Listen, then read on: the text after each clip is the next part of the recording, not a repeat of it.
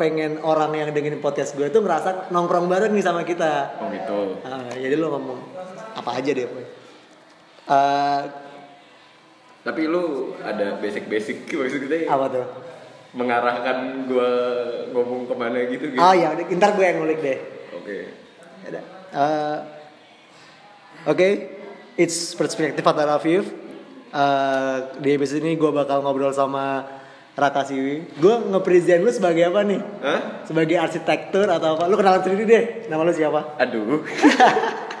ya jadi nama gua Raka Siwi. Hmm. Terus People know you sebagai orang tahu gue sebagai mahasiswa yang lulusnya lama banget. lama banget karena proyeknya banyak. Lu jangan merendah gitu dong. Enggak juga. Lu berarti gue kalau misalnya nyebut lu arsitek lu udah keberatan, lu keberatan atau ya udah gitu. Kayaknya belum. Belum. Kayaknya belum. sih. Karena title titelnya belum belum nempel atau gimana? Iya, karena menurut gua eh, arsitek tuh kayak Hmm. dia tuh master builder. Jadi dia harus tahu nih semuanya dalam rancangan dia. Hmm. Dan cara garapnya gimana. Menurut gua masih Masih- masih, masih- banyak yang harus gue pelajarin. Gitu. Oh ini kan jadi latihan buat lu. Ntar lu bakal jadi speaker kan? iya Di sih. acara apaan? Acaranya namanya gue belum tahu sih. Cuman yang ngadain tuh eh, NBA, Hmm. Apa itu? MLG. Itu kayak kayaknya sih komunitas, komunitas Hmm. gitu. NBA itu nongkrong bareng arsitek. Nongkrong MLG. Oh iya iya tahu gue. Kemarin event pertamanya di Garden House kan? Ngobrol sama Om Agus kan? Iya betul. Iya kan? betul. Nah, Ah. lu entar ntar di situ juga di Garden House juga. Enggak, gue di Ngalup. Oh di Ngalup. Di Ngalup. Cuma soalnya kalau kata Om Agus sih, Garden House itu tempatnya terbatas banget sih.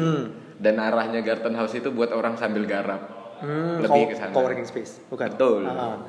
Terus berarti ini eh, pertama kali lo jadi speaker. Iya. Iya. Iya. Terus eh, kenapa lu ditunjuk jadi speaker? Itu juga gue nggak tahu sih. Hmm. Enggak lo, lo menurut lo aja kenapa?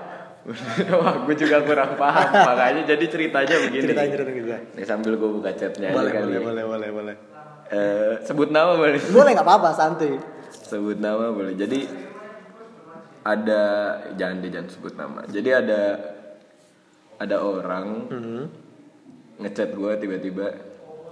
eh, Halo Mas, selamat malam. Maaf ganggu sebelumnya. Saya ini Nah, ngewakilin NBA Malang mau nawarin Mas buat jadi pemateri bulan ini. nah. Oh, bahasannya tentang magang Mas. Oh, gitu. Bahasan tentang magang. tentang magang Ah, sebetulnya. terus? Mungkin di sana gue bakal cerita apa ya? Gue juga belum tahu sih mau cerita apa di sana. Nanti gue mau ngobrol dulu sama yang Ah. ngadain acara itu. Jadi masih rada buta juga PPT Hmm. juga belum dibuat. Karena biasanya gue kalau misalkan mau kita mau sharing nih, Hmm. gue nyebutnya sharing lah ya, bukan bukan seminar atau Iya, apa. iya, gitu. iya, iya. Itu modelnya kayak nyantai nongkrong, ngopi kayak gitu. Hmm. Ngobrol lah ya. Iya, Ah. maksud gua ada feedback dua arah itu Hmm. lebih baik karena gue juga pasti nggak selalu benar gitu. Hmm. Kayak gitu sih menurut gua. Menurut lo. Terus enggak maksudnya lo lo bakal ngobrolin soal kayak yang, yang lo lo obrolin tadi kan. Lo bakal ngobrolin tentang eh, gimana gimana oh gini. Ala, salah satu alasan kenapa lo diambil jadi talker di sana itu karena lo aktif di luar kampus. Iya. Ya nggak sih? Bisa jadi. Lo bilang ntar, eh maksudnya lo bakal sharing tentang gimana caranya eh, lo sebagai mahasiswa itu juga bisa aktif di luar kampus, bener gak? Atau gimana? gue juga kurang paham sih bahasan yang nanti itu bakal kayak apa. Ah, Cuman so far sih gue ngarahnya lebih, gue mikirnya lebih ke kayak eh, gimana sih nih ngasih brainstorm ke mahasiswa-mahasiswa Hmm. arsitek terutama buat eh, buat sadar kalau mereka tuh nggak akan mendapatkan semuanya untuk jadi ars bekal buat jadi arsitek tuh di kampus aja kayak gitu. Hmm. ah, ah, ah. Mungkin arahnya ke sono kan. Tapi lo lo merasakan itu gak? Maksudnya lo kenapa lo bisa ngomong kayak gitu? Karena lo merasakan hal itu atau gimana? Oh iya jelas, jelas, banget. Ah. kenapa tuh? Maksudnya sebagai jatuhnya kan arsitek praktisi kan, Hmm. ya nggak sih? Nah, eh, kenapa lo bisa ngomong kalau misalnya lo sebagai arsitek itu nggak nggak bisa dapat teori doang, tapi lo juga harus praktek. Oh iya. Nah, kenapa lo bisa ngomong kayak gitu? karena kayak gini eh, awalnya tuh gue cuma mahasiswa yang kayak kuliah kuliah aja dan gue lebih banyak aktif di kayak bidang-bidang justru lebih ke sosial kali ya Hmm. kayak gue ikut kegiatannya Arkom. Arkom tuh arsitek komunitas buat benahin kampung-kampung kayak gitu-gitu. Ah, Oke. cuman eh, pas udah masuk semester semester akhir gue kayak nanya sama diri gue sendiri kayak terus gue kalau udah lulus mau jadi apa? Gue mau kerja di mana? Gitu.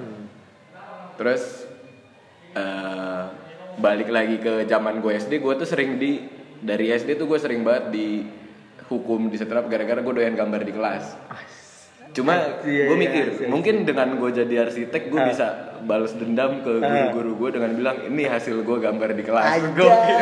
gokil, gokil. Terus, terus, terus, terus, terus. mungkin lebih kayak gitu Ah, kali ah. terus akhirnya gue mulai kepo-kepo kan gue cari tahu segala macam soal si arsitek A gimana step dia bisa sampai jadi sehebat itu kayak bahkan ada arsitek yang ternyata dulunya dia petinju cuy dan dia nggak nggak belajar formal tentang arsitek Lo bisa sebut namanya gak siapa? Eh, dia arsitek Jepang namanya Tadao Ando Tadawando. Tadawando. Dulunya petinju. gue merasakan kayak jadi gue baca cerita tentang dia gitu terus gue mikir gokil nih orang gue banget tinggal di gang ya kan Ya. tinggal di gang terus eh, seneng banget ngotak ngatik barang Ah. cuma bedanya waktu itu dia petinju profesional gue kagak Iya, iya, iya. cuman at least dia bisa bisa nyampe di titik yang kayak sekarang gitu. Hmm, hmm. Doi ini sebagai salah satu arsitektur yang diperhitungkan berarti ya.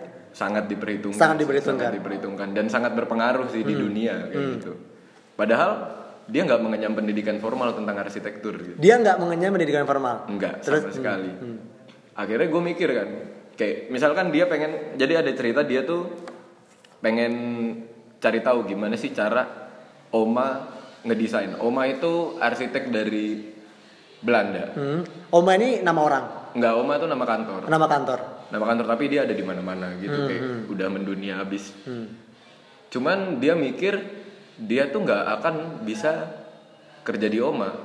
Karena apa? Karena dia nggak punya portofolio. Hmm, hmm. akhirnya yang dia lakukan adalah dia daftar kerja sebagai tukang sapu di Oma Berangkatnya dari situ. berangkatnya dari situ Anjing, terus, berarti gue mikir gini dong berarti buat gue masuk ke dunia profesional Hmm. banyak banget caranya Iya. Sedangkan waktu itu gue emang merencana mau eh, cari ilmu ke luar kampus. Ah.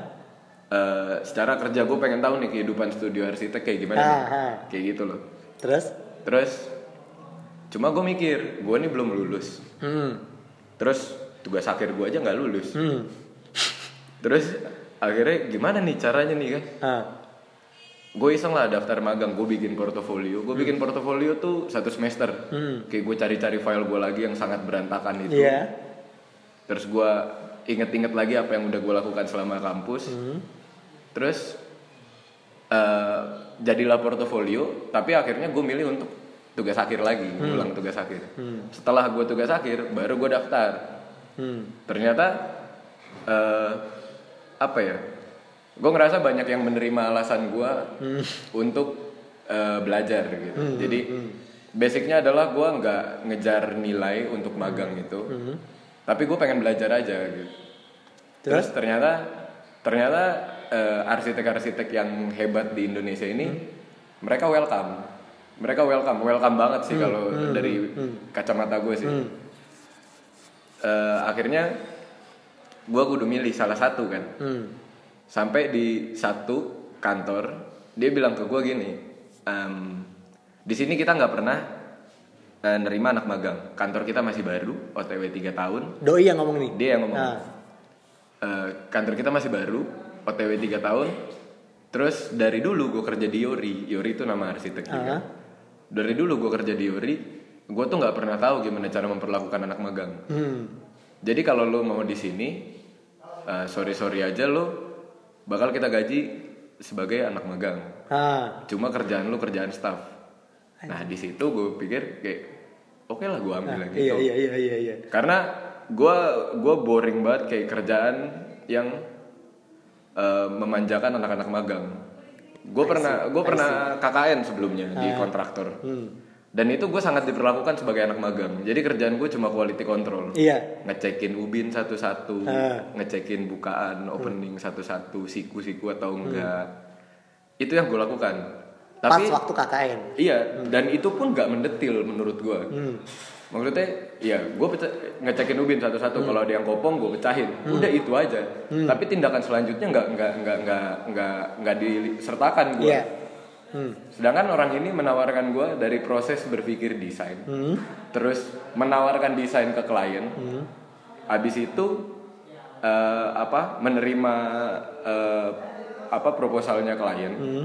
terus a- yang seru tuh ada singgungan-singgungan si desainer dan si klien sebagai pemodal Ah, I see. itu sih yang gue cari Ah, dan ah. gimana cara ngadepinnya Nah, singgungan-singgungan itu kalau kalau gue tangkapnya ini maksudnya lo kasih tahu gue ini bener atau enggak.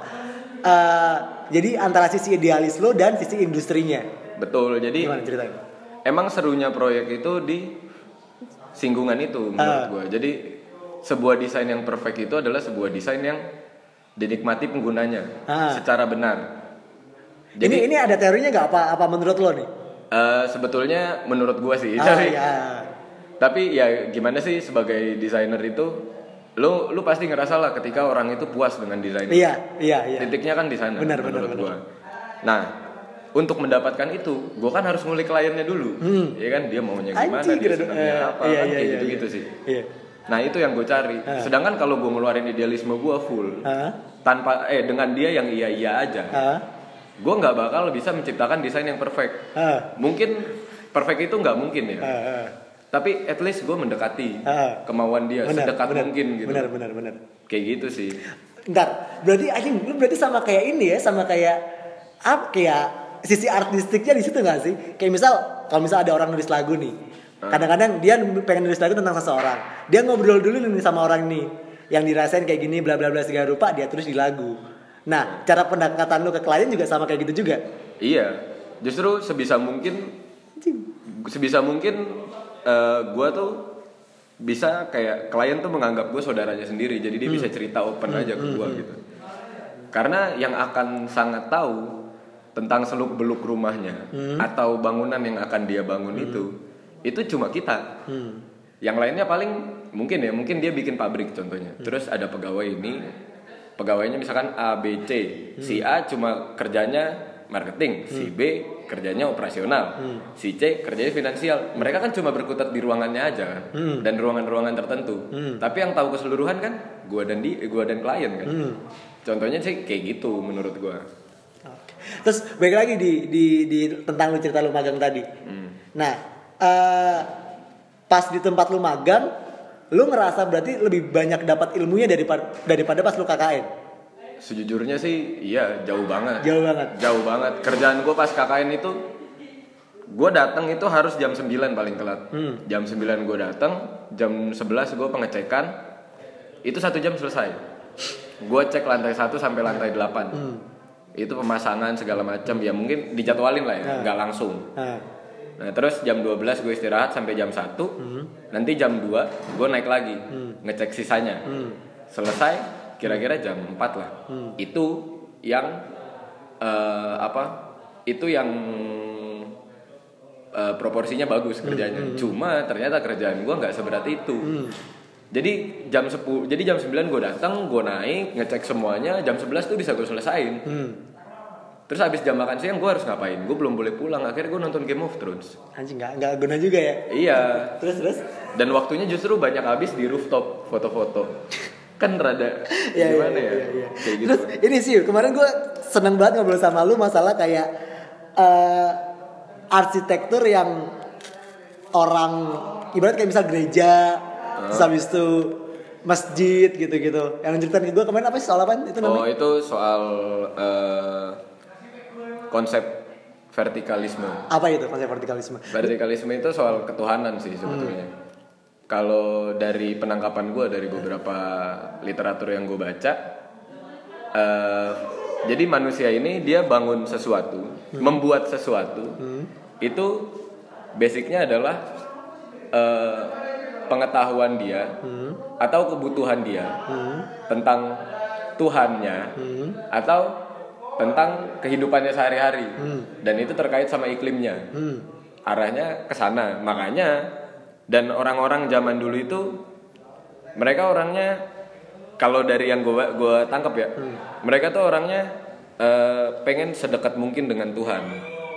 Kayak gitu. Makanya contohnya kayak di di daerah NTB dia tuh bangun rumah di dapurnya itu ada satu ruang buat nyimpen padi tapi ternyata ruang itu juga dipakai buat dia eh, kayak Sembahyang. meditasi. Iya Ah. sembahyang kayak gitu cuma posisinya ruangan itu dia ngegantung di atas. Nggak nyentuh tanah berarti? Nggak nyentuh tanah. Ah karena konsepnya apa? Karena Tuhan itu ada di atas kayak gitu loh. Anjing. Ternyata- meaningful banget ya berarti ya? Iya ternyata anjing gue merinding. ternyata sesuatu tentang ternyata tentang hunian itu adalah eh, gimana cara satu shelter ini Hah? memenuhi seluruh kebutuhan Hah. dari penghuninya. Iya. kan ternyata kayak gitu sih. ah. nggak berarti itu eh, jadi kalau men- maksudnya menurut lo berarti semua bangunan-bangunan yang ada nih maksudnya kayak misalkan ibaratnya gini deh kayak di Jawa joglo habis itu di Kalimantan apa gitu. Itu berarti ada ceritanya sebenarnya sih? Ada ceritanya pasti dan semua ada maknanya. Terutama apalagi lo lihat bangunan-bangunan di Nusantara. Secara orang timur dia lebih spiritual ya Iya, ketimbang iya. orang barat Iya. kan. Jadi kayak ukiran-ukiran geometri proporsinya. Proporsi ukiran itu sendiri pun ada maknanya kayak gitu. Contohnya ya di di joglonya di joglonya Jawa itu dia ada soko guru namanya. Apa itu? Soko guru itu empat tiang struktur utama. Ah yang menopang eh, atapnya. ah Jadi di tengah tuh ada empat tiang dan itu sangat simetris. ah Itu sangat simetris dan itu tuh nggak pernah diisi sama apa-apa. oh iya iya Jadi iya, iya. ternyata itu ada jadi ada satu sunan gitu dia dia dia kayak menceritakan jadi ada konsep tentang kekosongan di situ. Ternyata kekosongan itu diperlukan untuk eh, memfokuskan pikiran, ah ah terus mengumpulkan orang. ah Jadi rumah joglo itu ruangannya ada di samping-sampingnya, yang Iya. tengahnya ya kosong. iya Nah, ruang tengahnya itu biasanya dipakai buat syukuran, buat kayak gitu-gitu. Ah, bentar sih, gue gue tertarik sih kalau masalah karena gini kemarin tuh kan gue suka banget sama band namanya To, band Jepang tau gak lo? To ya? Eh, kurang tahu Tau. sih. Jadi dia gini, jadi maksudnya eh, dia itu udah nyampe di titik itu sama kayak lo ceritain karena gini. Jadi si drummernya ini itu diajak featuring sama seseorang sebuah band lah, se- sebuah eh seorang solois lah. Disuruh freestyle, disuruh ngisi freestyle gitu. Terus habis itu di pet di apa di bar pertama dia tuh nggak langsung ngisi sih. Jadi dia diem doang. Dia diem doang. Pas di bar kedua dia baru main. Dia isi setelahnya semuanya. Setelahnya ditanyain sama sini orang. Lalu kenapa nggak langsung masuk dari awal dia bilang gitu. Terus jawabannya si drummernya ngomong kayak gini. Lo ngerasain gak sih betapa magisnya ke- eh, keheningan ini gitu. Nah, justru itu. Justru ternyata sesuatu yang kosong itu belum tentu kosong. Nah, exactly kayak gitu. bener. Jadi sebetulnya tangkapan eh, penjelasan orang-orang barat soal kebutuhan ruang ya. Kebutuhan ruang sekarang misalkan standar rumah, kamar tidur, kamar tidur kosan yang dicari minimal berapa sih tiga kali Tiga kayak gitu kan. Tiga kali tiga itu di eh, paradigmanya udah menjadi tolak ukur utama untuk seminimal minimalnya ruang tidur lu itu tiga kali tiga ah, kayak gitu padahal itu semua relatif. Gimana tuh? itu semua relatif. Tergantung orangnya kayak gimana. Hmm. misalkan eh, oke lah dia tidur. Kebutuhan di ruang tidur kan dia tidur. Dia belajar dia baca. Terus misalkan dia main game. Hmm. terus ternyata ternyata orang ini suka ngumpulin temen. Kayak gitu. Iya, iya. atau ternyata dia ini butuh space yang lebih banyak untuk biar orang ini nih sholatnya lebih khusyuk kayak Ah, gitu. ah. Berarti kan ruangan itu nggak mesti tiga kali tiga kan? Iya. Bisa jadi lebih kecil, bisa jadi lebih besar. Contoh lagi, kayak misalkan eh, susunan rumah. Ini kita ngomongin hunian. Iya, iya, iya. Rumah itu ruang tamu, Ah. habis itu ruang keluarga, Ah. habis itu apalah terserah ya Ah. kan. Dan ukurannya udah pakem gitu. Ruang tamu isinya sofa, isinya meja tamu, Hmm. terus sama beberapa pajangan. Misalnya ukurannya kira-kira dibutuhkan 4 kali 3 Hmm. Terus ruang keluarga itu isinya TV, isinya sofa. Hmm. Terus udah. Nah, terus itu membutuhkan ruang 4 kali 4 misalnya. Terus si perencana, di sini gue nggak ngomong arsitek ya, perencana. Perencana ini akhirnya dia mikir gimana caranya bikin ruangan 4 kali 3 dan 4 kali 4 dan gimana separatornya. Separator tuh apa maksudnya? Separator itu pemisah ruangnya. Ah, Entah itu separatornya permanen kayak tembok iya. atau separatornya semu sebagai ya kayak misalkan ada pajangan gitu sebagai separator. Ah, iya gitu. iya. Nah, terus ini sempat dibahas di bukunya Adi Purnomo. Adi Tentang- Adi Purnomo tuh arsitek kayak gue ngefans banget lah sama dia. Dia ah, Indonesia ya. Indonesia. Terus dan ini bahas soal relativitas. Akhirnya dari bahasan dia gue juga mikir. Hmm. Ternyata kebutuhannya tuh nggak nggak mesti seperti itu. Hmm. Kayak dan ini kayak bikin gue mikir kayak rumah kaflingan yang lo beli sekaligus sama rumahnya itu belum tentu sesuai sama diri lo sendiri. Itulah kenapa setiap orang beli rumah yang kaflingan yang udah bentuknya udah begitu, Hah? akhirnya dia renov lagi. Dia modif lagi kan. Aha. Karena contoh simpelnya ambil yang tadi ya, ambil yang tadi.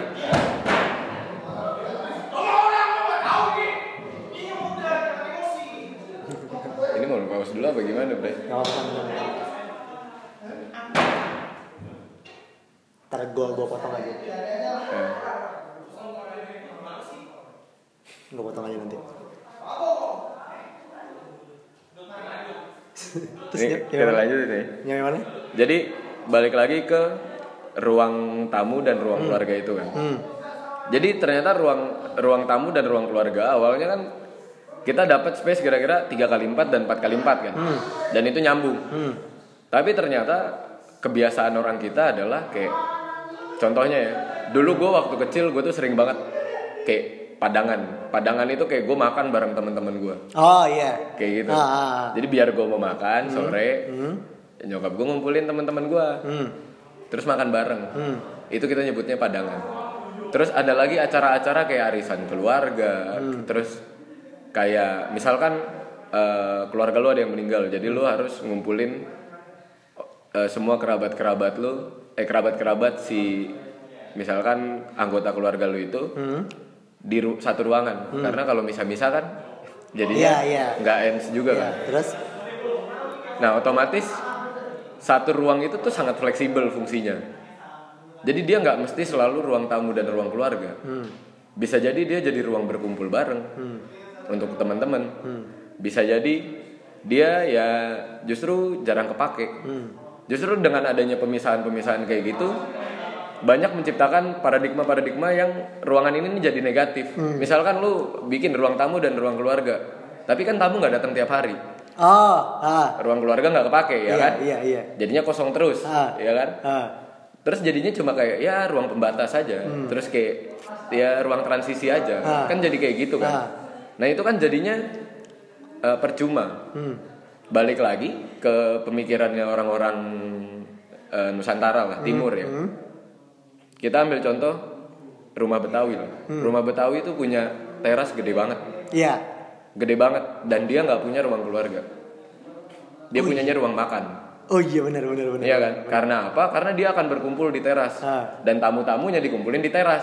Kalau lo pernah nonton Sidul, ya Nah, begitulah rumah iya, Sidul. iya, iya, iya. Iya Gua- kan? gua mau mau contoh kasih itu, mau kasih contoh itu. Iya begitulah rumah Sidul ya kan. Contohnya lagi orang Padang lah. Hmm. Contohnya orang Padang. Orang Padang itu dia kalau punya, jadi rumahnya tuh kan simetris. Hmm. Terus bagian kanan itu untuk orang tua, bagian kiri itu untuk anak. Ah. Dan rata-rata orang Padang tuh pada era itu, eh, eh, ya eranya sampai nenek gue juga Iya, sih. ah. Itu tuh anaknya banyak. Jadi entah itu kamar tidurnya akan sangat luas Hmm. atau di area kiri ya, area kiri bangunan. Nah terus atau dia punya ruangan yang memang udah luas banget, Hmm. Itu buat kamar tidur dan ruangan sisanya itu buat ngumpul keluarga dan ruangan itu cuma ya kosong aja gitu Iya, iya. dan isinya cuma ya kursi, meja gitu-gitu. Tapi ini berlaku di seluruh dunia gak sih? Hugh, Awi, ah, maksudnya apa orang timur doang nih yang yang mentingin untuk tempat kumpul kayak gitu? Kalau dari yang gue lihat sih, eh, secara gue belum melihat dunia barat secara Iya, langsung ah. ya. Gue cuma baca-baca atau lihat dari film aja. Ah. Kalau yang gue lihat sih ya seperti itu karena orang barat mereka berkumpul di luar mereka kayak misalkan gue pengen ketemu lu di mana nih ya udah di tempat Oh. ini aja kayak gitu Iya iya iya. Jadi mereka meet up-nya di luar. Oh, iya iya iya iya iya iya.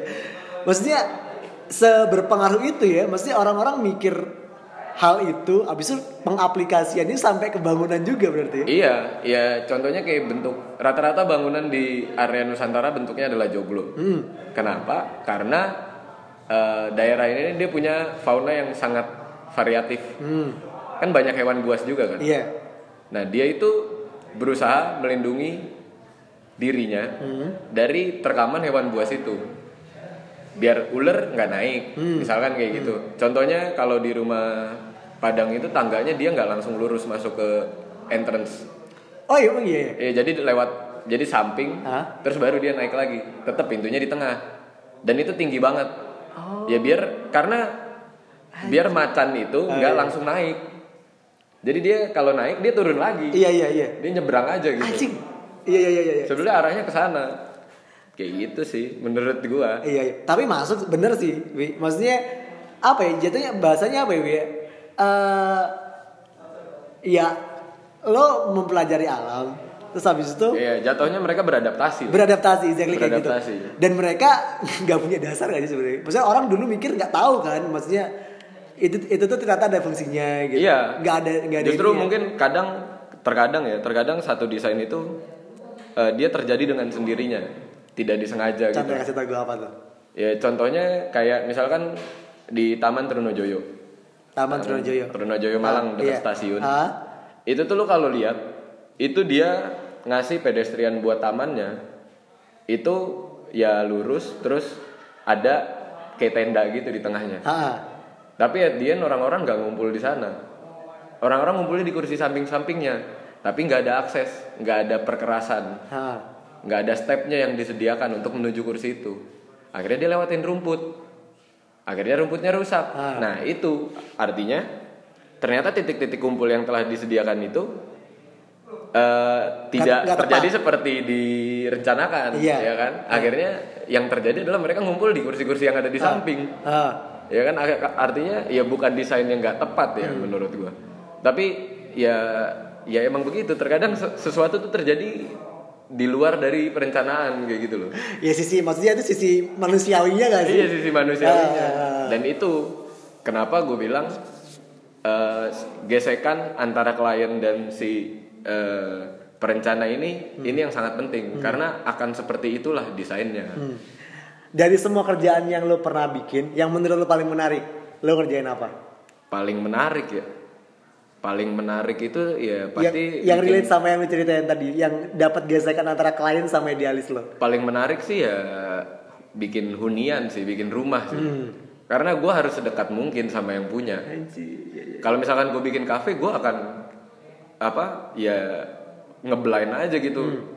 Ya gue punya pandangan secara rata-rata orang bakal masuk sekian terus muatnya sekian berapa kursi berapa meja terus ya udah ini dapur.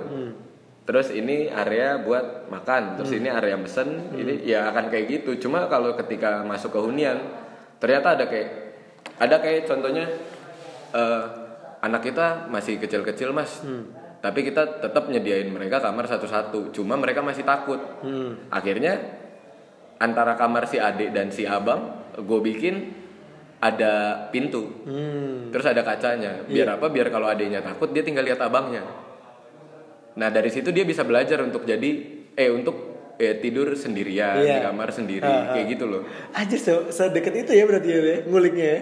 Eh, harus kayak gitu A- atau misalkan kayak gini Hmm.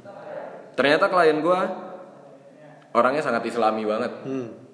terus ya dia rumahnya kan ada musolanya gitu ya Hmm. Terus? akhirnya gue kasih konsep ke dia gue bikin musola Hmm. gue bikin musola ini gimana caranya biar dia khusyuk pas sholat Hmm.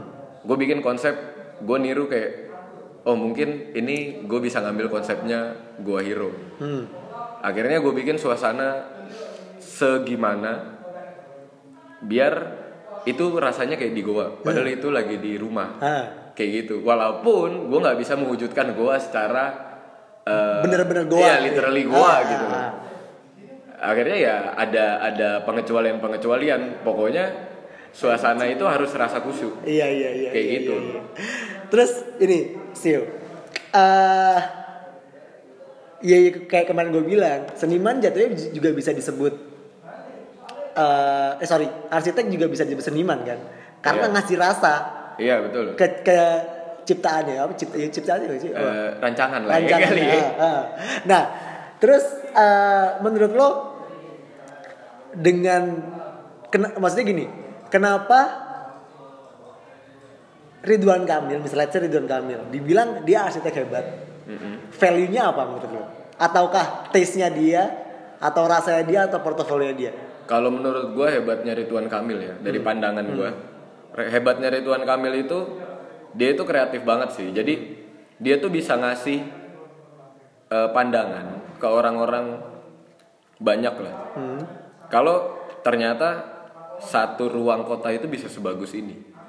Kota nih, Iya satu ruang kota karena basicnya dia adalah PWK. perencana tata kota ah, gitu. perencanaan. Dia skalanya skala urban. Hmm.